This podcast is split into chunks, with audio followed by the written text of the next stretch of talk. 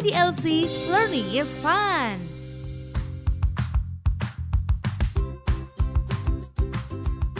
Halo good people, kita jumpa lagi di dalam podcast IDLC.id. Saya dengan Irma Devita. Hari ini saya bersama dengan Bapak Dr. Irfan Putra Sidin untuk membahas tentang Omnibus Law. Karena memang uh, suatu hal yang saat ini Pak Irman itu sering menjadi uh, pertanyaan bagi kita kaum praktisi hukum. Karena di dalam dunia kenotariatan dan pertanahan pun terjadi berbagai istilahnya obesitas peraturan. Obesitas peraturan karena konon menurut PSHK selama Presiden Joko Widodo menjabat ini ada sekitar 10.184 peraturan di mana terdiri dari uh, ratusan undang-undang bahkan sampai dengan 8.634 uh, peraturan setingkat menteri. Nah, kabarnya ada yang akan dilakukan saat ini akhir ini adalah kita akan berusaha untuk nge-grab menjadikan seluruhnya itu menjadi satu peraturan saja dengan konsep omnibus law. Nah, baru-baru ini juga dibahas di oleh para ahli hukum di Universitas Indonesia yang terdiri juga dari para ahli hukum di Indonesia lah, membahas tentang adanya kemungkinan-kemungkinan yang akan terjadi dengan omnibus law termasuk yang saat ini lagi populer itu istilahnya adalah omnibus law cilaka. Ya. Oh, cilaka namanya brandingnya itu loh cilaka karena terdiri dari cipta lapangan kerja dan dari beberapa ribu undang-undang atau beberapa ratus undang-undang itu akan digrab menjadi cuma satu saja undang-undang. Nah, boleh uh, saya minta pendapatnya bagaimana Pak Irman? Iya, saya juga baru tidak terlalu akrab dengan istilah omnibus law ini ya, ya. baru baca tapi setelah saya membaca-baca ini omnibus law maunya apa mm-hmm. jadi ini sebenarnya hanya bagian dari metode mm-hmm. perubahan sebuah regulasi atau legislasi yang ada jadi metode perubahan legislasi itu di antaranya bisa dengan pencabutan mm-hmm. bisa dengan perubahan perubahan itu ada pun melalui melalui perubahan dari pembentuknya sendiri mm-hmm. Atau perubahan melalui lembaga peradilan itu yang disebut melalui mahkamah konstitusi Nah, perubahan peraturan-peraturan ini itu bisa dengan berbagai macam. Ada orang biasa, ada negara biasa melakukan perubahan hanya persoalan satu kata saja. Hanya kalau di Mahkamah Konstitusi perubahannya biasa hanya persoalan tanda baca aja menimbulkan makna yang ya, lain, betul, betul yang sekali. menimbulkan ketidakpastian hukum. Nah, ada satu kata, ada satu ayat, ada satu kalimat, ada yang dalam sebuah klaster bab, ada yang satu undang-undang, ada yang berbagai macam undang-undang yang kemudian undang-undangnya itu kalau dia subjeknya, dia objeknya sama, itu yang kita kenal waktu kita mahasiswa namanya kodifikasi. Iya, betul. Ya, kodifikasi, kodifikasi hukum di situ. Ya, Nah, sekarang adalah ini ini kayaknya omnibus law ini lebih dari kodifikasi itu. Ya. Jadi walaupun subjek objeknya berbeda di berbagai macam undang-undang, jadi saya teringat itu pelajaran biologi SMA itu oh, ya, iya. omnivora, omnivora, herbivora, karnivora. Nah, ini mirip. Dulu anak biologi ya, Pak ya? Bukan. Jadi saya ingat seperti itu. Jadi ini adalah produk semua undang-undang walaupun mungkin iya. jenis kelaminnya berbeda, uh, spesiesnya berbeda, kalau mau dicabut oleh undang-undang itu makanya Eh, secara besar-besaran dia akan bisa di, disebut dengan metode omnibus law itu hmm. seperti itu. Nah, ini yang kemudian menjadi tidak sesimpel yang dibayangkan orang kalau kita berbicara dengan politik kepentingan legislasi. Ya. Makanya saya bisa memahami ketika berbagai kelompok-kelompok elemen masyarakat mulai mulai cemas. Iya, betul. Mulai cemas terhadap omnibus law ini. Karena apa? Perubahan undang-undang yang satu kata saja mm-hmm. itu bisa melebar ke mana-mana, kemudian berbagai macam kepentingan bisa mengubah dari intensi awal dari undang-undang itu. Iya betul, gitu. betul sekali. Nah, undang-undang ini kan sebenarnya instrumen ya, mm-hmm. instrumen mm-hmm. pemenuhan pemenuhan apa kepentingan-kepentingan orang kan, kepentingan-kepentingan kelompok. Nah, dalam bahasa konstitusinya yang yang positifnya kita dengar dalam rangka pemenuhan perlindungan, pemajuan, penegakan hak-hak warga negara. Iya. Tetapi dalam bahasa politik hukumnya adalah undang-undangnya tempat para kepentingan untuk diinjeksikan masuk.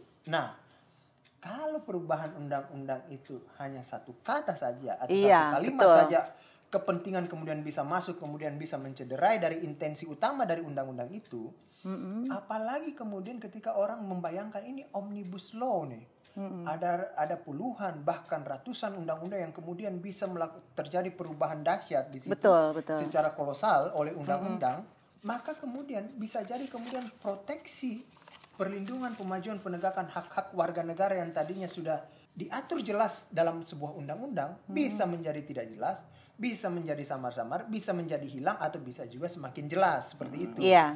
Inilah ruang-ruang yang kemudian menimbulkan kecemasan bagi mm. para pemangku-pemangku kepentingan. Kenapa kemudian saya bisa pahami mm-hmm. omnibus law itu kemudian menjadi kekhawatiran bagi banyak uh, banyak kelompok-kelompok masyarakat. Iya, iya. Sebagai contoh saja ya Pak Irman ya, pada waktu ada kita punya yang namanya tata hukum pertanahan hmm. yang menjadi dasar sekali yaitu di Undang-Undang Pokok Agraria. Hmm. Ini di, untuk dunia notaris ya. Hmm. Uh, di mana seharusnya ada norma-norma di mana siapa yang menjadi subjek hukum dari atau pemilik tanah. Yang misalkan hak guna bangunan itu yang boleh memiliki adalah hanya subjek hukum tertentu seperti badan hukum dan kemudian juga uh, masal siapa saja yang masuk dalam kategori yang bisa memiliki hak milik begitu.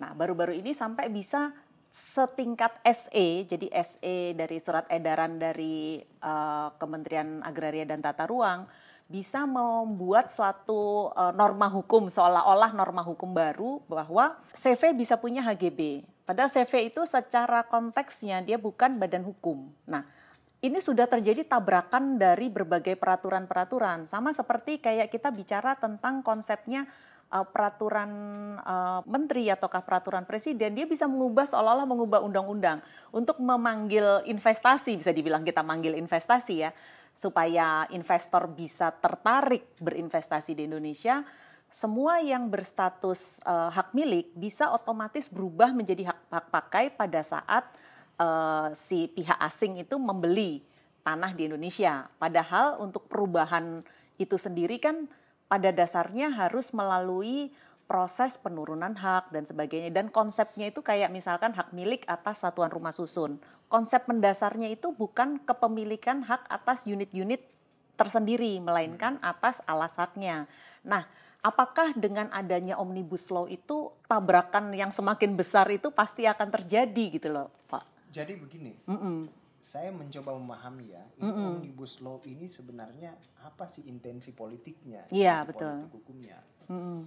Jadi ini yang kemudian dari tadi Ibu Irma jelaskan, mm -hmm. di situ saya mulai bisa menangkap bahwa ada politik hukum yang kemudian bisa jadi ini bermakna positif. Mm -hmm kalau kita pakai istilah penyederhanaan, mm-hmm. maka bayangan kita kan positif. Positif, ya, ya kan? betul. Hmm. Makanya kemudian kekuasaan pembentukan undang-undang itu kita alihkan tidak lagi kepada presiden, tapi kepada DPR sebagai okay. yang memegang mandat daulat rakyat. Meski kemudian dalam persetujuannya masih mm. dibutuhkan presiden untuk menandatangani persetujuannya karena dia yang mau melaksanakan. Mm. Nah, dari filosofi inilah yang kemudian, maka kemudian kita tidak mau lagi semua aturan-aturan undang-undang itu, aturan-aturan pelaksanaan yang berlaku dalam negara hukum ini berjalan sesuai kehendak intensi eksekutif. Hmm, Oke. Okay. Ya, intensi presiden, intensi menteri, intensi diri yang intensi apa nggak bisa. Hmm. Harus berjalan sesuai dengan intensi undang-undang yang dibuat oleh rakyat. Omnibus law itu tidak serta-merta harus diarahkan kepada pada tingkat undang-undang. Tidak ada kesalahan undang. Undang-undang semakin jelimet itu semakin bagus. Berarti semakin rakyat memahami apa yang harus diaturnya guna dilaksanakan oleh presiden. Nah, hmm. penyederhanaan inilah yang menurut saya kalau kita bicara omnibus law bukan pada tingkat undang-undangnya yang kemudian kita mau membuat undang-undang yang bisa melakukan perubahan mencabut berbagai macam undang-undang tapi adalah over regulasi yang di bawah itu yang harus dia harus dia, diperbaiki. Diperbaiki. Hmm. Itu yang harus ditata oleh presiden. Ditata oleh Kementerian Hukum dan HAM supaya semua peraturan-peraturan menteri itu kita sederhanakan semua. Kenapa terlalu banyak seperti ini? Iya, betul, Nah, betul. mungkin Ibu Irma punya data itu berapa ribu aturan di tingkat kementerian, hmm. belum surat edaran, belum apa, itunya yang harus ditata. Bukan di tingkat undang-undang. Kenapa? Kalau di tingkat undang-undang yang tadi saya katakan, satu kata atau satu kalimat saja di tingkat undang-undang dilakukan perubahan, maka intensi atau kepentingan-kepentingan akan mudah masuk untuk membelokkan tujuan dari awal undang-undang itu. Betul sekali. Jadi apa? Hmm. Saya mau katakan bahwa semakin jelimet sebenarnya undang-undang itu, maka semu, maka sesungguhnya rakyat semakin sadar dan semakin memahami batasan-batasan mana yang bisa dilaksanakan oleh presiden atau pemerintah di bawahnya untuk melaksanakan kehendak rakyat. Hmm. Kalau dia hanya bersifat pokok-pokok saja yang tidak jelas seperti itu, -hmm. maka itu memberikan kekuasaan penuh kepada presiden termasuk otoritas pemerintah di bawahnya -hmm. untuk menulis bagaimana melaksanakan menjalankan negara ini sesuai dengan kehendak politik yang berjalan pada saat masa pemerintahannya itu. Mm -hmm. Padahal sebenarnya kita mau membangun negara ini itu namanya dulu ada istilah haluan negara mm -hmm. ya 20 ada rencana pembangunan jangka panjang jangka menengah. Nah, kalau seperti itu kita mau bahwa negara ini kita tulis bersama-sama masa depannya oleh rakyat, maka tidak bisa kita memberikan otoritas yang besar kepada eksekutif untuk mengatur lebih lanjut bagaimana pelaksanaan undang-undang itu. Karena apa? Tidak bisa dengan dalih penyederhanaan yang membuat tidak sederhana pelaksanaan selama ini adalah karena regulasi yang terlalu banyak di bawahnya di situ. Bukan semata di undang-undang yang sekarang ini. Bahwa ada problem di tingkat undang-undang ya. Tetapi itu kan sudah berjalan melalui proses rakyat sendiri melakukan gugatan di Mahkamah Konstitusi. Iya. Ketika ada undang-undang ini bertentangan sama undang-undang ini, datang semua warga negara bisa melakukan pengujian di Mahkamah. Konstitusi hmm. untuk meluruskan yang mana nih kalau tidak memberikan kepastian hukum seperti itu Nah, ini yang kemudian harus hati-hati disikapi terhadap hmm. istilah omnibus law itu yang seolah mau menyederhanakan tapi bisa jadi merubah ideologi dari perjalanan kedaulatan rakyat dalam mengatur sebuah arah masa depan bangsa ini dalam undang-undang. Betul. Seperti Termasuk itu. contohnya itu Pak Irman uh, tentang RUU pertanahan. Hmm Terus kemudian ya yang tentu saja yang terkait dengan dengan kami para praktisi itu tentu saja yang terkait dengan uh, cipta lapangan kerja juga. Hmm, hmm, hmm. Cipta lapangan kerja itu sampai akhirnya di branding sama uh, pers bahwa itu namanya undang-undang apa omnibus law cilaka. Hmm. Karena dianggap uh, kayaknya jadi kesannya oh apa nih cilaka gitu kan ternyata cipta lapangan kerja. Hmm. Karena itu menyederhanakan seolah-olah ingin menyederhanakan semua undang-undang yang terkait dengan lapangan kerja, investasi, pengaturan mengenai apa daftar negatif investasi semuanya dibikin seolah-olah ini menjadi mudah gitu. Hmm. Kenyataannya karena mau di grab menjadi satu itu malah akhirnya menjadi membingungkan buat kami para praktisi di masyarakat gitu. Dan tidak mudah, tidak mm -hmm. mudah merubah berbagai macam undang-undang dalam satu. Yeah. Tapi yang mudah sebenarnya adalah over regulasi yang di bawah undang-undang itu PP, peraturan pemerintah, peraturan presiden. Hmm. Kalau saya sih ada kebijakan kepada presiden untuk melarang menteri sekarang untuk melakukan peraturan menteri, mengeluarkan oh. peraturan menteri. Jangan mengeluarkan surat edaran. Paling jauh aturan itu melalui Perpres. Apakah itu sudah uh, keadaan itu dimulai sejak pemerintahan kapan Pak atau sejak sejak tahun berapa? Karena apakah yang dulu-dulu tidak semudah seperti sekarang bagi pemerintah, bagi menteri ataukah bagi setingkat kayak dirjen begitu untuk membuat suatu peraturan? Ini apakah kan. baru akhir-akhir ini? Karena kan obesitas itu kan baru disebut akhir-akhir ini, Pak. Sedangkan dahulu dulu dulunya tidak ada istilah ya selama kita belajar di Fakultas Hukum kan tentu sudah tertata seluruhnya, tidak ada begitu banyak seluruh peraturan tiba-tiba seperti kita diserbu sama berbagai peraturan yang kadang-kadang baru sekitar dua bulan atau tiga bulan berlaku sudah dicabut lagi begitu. Nah, jadi kalau saya solusinya adalah mm -hmm. untuk untuk sengkarut dari obesitas undang-undang ini adalah ini kan kalau pertanyaan Bu Irma tadi kenapa bukan dari dulu ini kan pertama mm -hmm. ada ada analis asumsi saya ada dua ya mm -hmm. tingkat pemahaman negara sendiri terhadap bagaimana peraturan perundang-undangan itu dibuat mm. kan meski orang jadi presiden belum tentu paham kan mm -hmm. seperti itu karena tidak ada ujian harus lulus dulu mata iya mata kuliah peraturan kan seperti itu jadi intinya seperti ini iya intinya adalah siapa pun yang menjadi presiden, mm-hmm. dia yang bertanggung jawab terhadap pelaksanaan undang-undang. Mm-hmm. Sehingga otoritas regulasi di bawah undang-undang itu hanya pada presiden. Tidak bisa pembantu presiden seperti wakil presiden, seperti menteri, seperti dirjen dan seterusnya membuat aturan-aturan seperti itu. Mm-hmm. Oke, sekarang ada yang bilang kan diperintahkan undang-undang. Mm-hmm. Ada kan biasa akan diatur lebih lanjut dengan peraturan perundang-undangan ya kan ada juga disebut akan diatur lebih lanjut dengan peraturan pemerintah Menteri, ya, atau peraturan ada juga disebut hmm. akan diatur lebih lanjut dengan peraturan presiden presiden betul. sampai peraturan pemerintah sampai peraturan menteri ini hmm. tidak ada masalah hmm.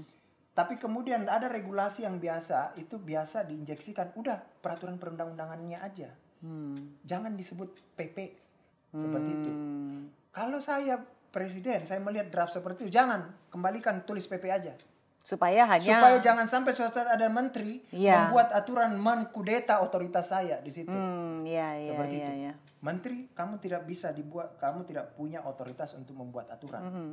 Yang punya otoritas itu harus saya semua.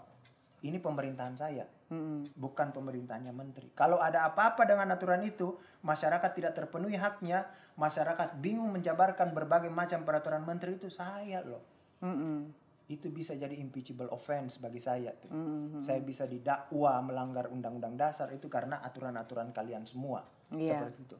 Nah, tingkat pemahaman itu, apakah ini dipamai walau alam. Mm-hmm. Tapi melalui forum ini mudah-mudahan kemudian mulai terbuka yeah. pemikiran mm-hmm. masyarakat dan pemikiran pemerintah bahwa ke depan jangan seperti itu. Kalau mau uh, melakukan omnibus law adalah pangkas itu aturan-aturan yang dibuat oleh menteri kembalikan hmm. semua kepada PP aja semua hmm. paling jauh di peraturan presiden di situ hmm. dan segala undang-undang ke depannya jangan lagi ada memberikan delegasi bahwa akan diatur lebih lanjut dengan peraturan perundang-undangan karena kalau sudah keluar kata itu udah semua orang bisa mengatur hmm, keluarlah okay. surat edaran selalu yeah. menteri ini keluar permen ini yeah. menteri sana keluar permen itu banyak iya. sekali yeah. akhirnya regulasi yang muncul nah, seperti itu bisa juga adalah politik kepentingan yang bermain dalam sebuah undang-undang hmm. yang memang tidak menghendaki terlalu jauh pengambilan keputusan pelaksanaan undang-undang itu sampai presiden. Sebab kalau sudah sampai presiden itu sulit. Iya. Tapi kalau sama menteri masih Suatu muda. saat Ibu Irma jadi menteri menteri pertanahan misalnya karena kita berteman. Iya. Adalah sama iya. permennya itu kan. Iya, iya, iya, Kalau sama iya, presiden iya. kan ribet kan. Susah, susah. Oh, sana, sana, sana, oh, sana, iya, sana, iya, iya, itu. iya, iya. Bisa juga begitu. Oke. Nah, jadi harus hati-hati. Uh -uh. Karena ini kan uh, akhirnya seperti sekarang puluhan tahun baru kita sadar kok gemuk sekali. Iya betul. Ya ada ribuan undang-undang, ketidakpastian di mana-mana. Mm -hmm. Jawabannya adalah menurut saya bukan karena undang-undangnya, karena peraturan di bawah yang terlalu banyak. Terlalu banyak betul itu sampai delapan ribu lebih nah, pak, delapan ribu enam ratus. Itu delapan ribu enam ratus. Itu yang sederhanakan yang delapan ribu itu menjadi mungkin puluhan atau ratusan dalam sebuah PP aja. Nah itu. Itu yang kalau mau di omnibus di situ aja. Jangan di tingkat undang-undangnya. Sebab kalau sudah di tingkat undang-undangnya, itulah yang kemudian kepentingan. Mulailah teriak-teriak kelompok apa? Kelompok pengusaha kecil, kelompok pengusaha menengah, apalagi buruh. Buruh, semua teriak. Karena kalau di tingkat undang-undang dia habis selesailah dia. Iya. Betul. Satu kata hilang aja itu berbahaya. Betul. Kan seperti itu. Mm-hmm. Tapi kalau PP-nya kita omnibus ke bawah itu, mm-hmm. omnibus law itu, mm-hmm. itu bisa menjadi solusi jalan tengah untuk penyederhanaan, okay. untuk investasi dan lain sebagainya seperti itu. Satu pertanyaan penutup, Pak. Menurut Bapak nih dengan adanya uh, apa sekarang nih kan gencar sekali dan bahkan ada tenggat waktu untuk diselesaikannya si omnibus law ini tadi, terutama yang omnibus law cilaka ini tadi, Pak misalkan kira-kira sekedar sekedar prediksi apakah kalau memang itu ternyata mengubah sampai tatanan yang ada di atas apakah itu uh, mungkin untuk ini kan ibaratnya omnibus law ini merubah berbagai undang-undang. Begitu dia keluar langsung begitu dihajar dengan berbagai macam uh, demonstrasi misalkan atau beberapa keberatan-keberatan dari masyarakat atau dari berbagai unsur apakah mungkin terus kemudian dicabut lagi dengan menggunakan apa? Begitu Pak? Nah itu Nah, ya. kalau misalnya sampai harus dicabut yang lagi. Yang pasti kan pemerintah akan bilang mm -hmm. dengan bahasa gugat aja ke Mahkamah Konstitusi. Mm. Pasti akan seperti itu. Mm -hmm. Nah, kalau saya, saya sebagai lawyer ya suka-suka aja kalau dengar istilah seperti itu kan. Tapi kan tidak bisa seperti itu kita Iya, iya, betul. Kita harus memberikan pencerahan kepada masyarakat. Betul. Ya, uh, tidak sesimpel itu. Jangan negara kemudian melakukan perbuatan yang kemudian sudah disadari akan menimbulkan potensi yang mencederai hak-hak warga negara, iya. kemudian dia akan mengatakan tetap dipaksa, aja, dipaksa, uh, dipaksa. Uh, nah, tapi kita setuju ada penyederhanaan regulasi. Iya. Tapi penyederhanaan regulasi yang paling aman menurut saya adalah semua peraturan menteri, semua surat edaran, peraturan dirjen itu disederhanakan, dibuatlah semua berumahnya dalam peraturan pemerintah di situ sehingga semuanya otoritas konstitusional kepada presiden, di situlah presiden bisa menyederhanakan semuanya.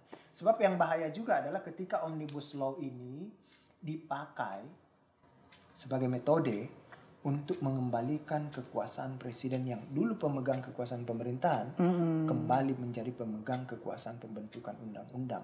Ya, okay. Karena omnibus law itu dianggap udah sederhana aja, pokok-pokoknya aja. Iya, Nanti uh -uh. di belakang kami yang atur. Wah, uh, iya itu lebih bahaya. rakyat yang wah gimana uh, ini iya, kalau iya, begitu? Iya, iya, iya. Kan bahasa mudahnya, bahasa uh, anunya tiap lima tahun bisa berubah. Iya, betul, ya? betul. Bahasa tergantung siapa presidennya. Siapa, siapa presidennya, rezimnya siapa? Iya, rezimnya siapa. Hmm, betul. Itu. Yang kedua bahasa bahasa bahasa konstitusionalnya adalah ini merampas daulat rakyat. Hmm, kami kata rakyat, hmm, kami loh yang berwenang mengatur. Hmm, Walaupun kami pilih Anda melalui pemilu lima tahun Anda hanya laksanakan saja apa kehendak mm -hmm. kami. Yeah. Jangan sampai itu seperti itu omnibus law dipakai untuk mengembalikan kekuasaan presiden yang dulu kita sudah hilangkan sebagai kekuasaan pembentukan undang-undang pemegang seolah-olah ingin mau dikembalikan lagi kepada presiden dengan dalih penyederhanaan melalui omnibus law itu. Aduh.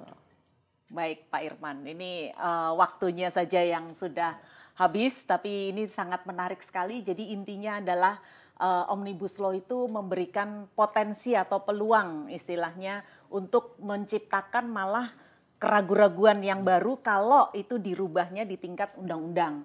Tapi kalau di tingkat peraturan menteri itu disederhanakan boleh dan itu juga uh, memang dengan tujuan untuk tentunya pemerintah bertujuan baik mempermudah investasi dan sebagainya tapi jangan sampai mencederai hak-hak dari warga negara. Oke, okay, good people, semoga apa yang kita bicarakan pada hari ini bisa memberikan manfaat bagi para pendengar. Sampai jumpa lagi di dalam podcast IDLC selanjutnya. Assalamualaikum.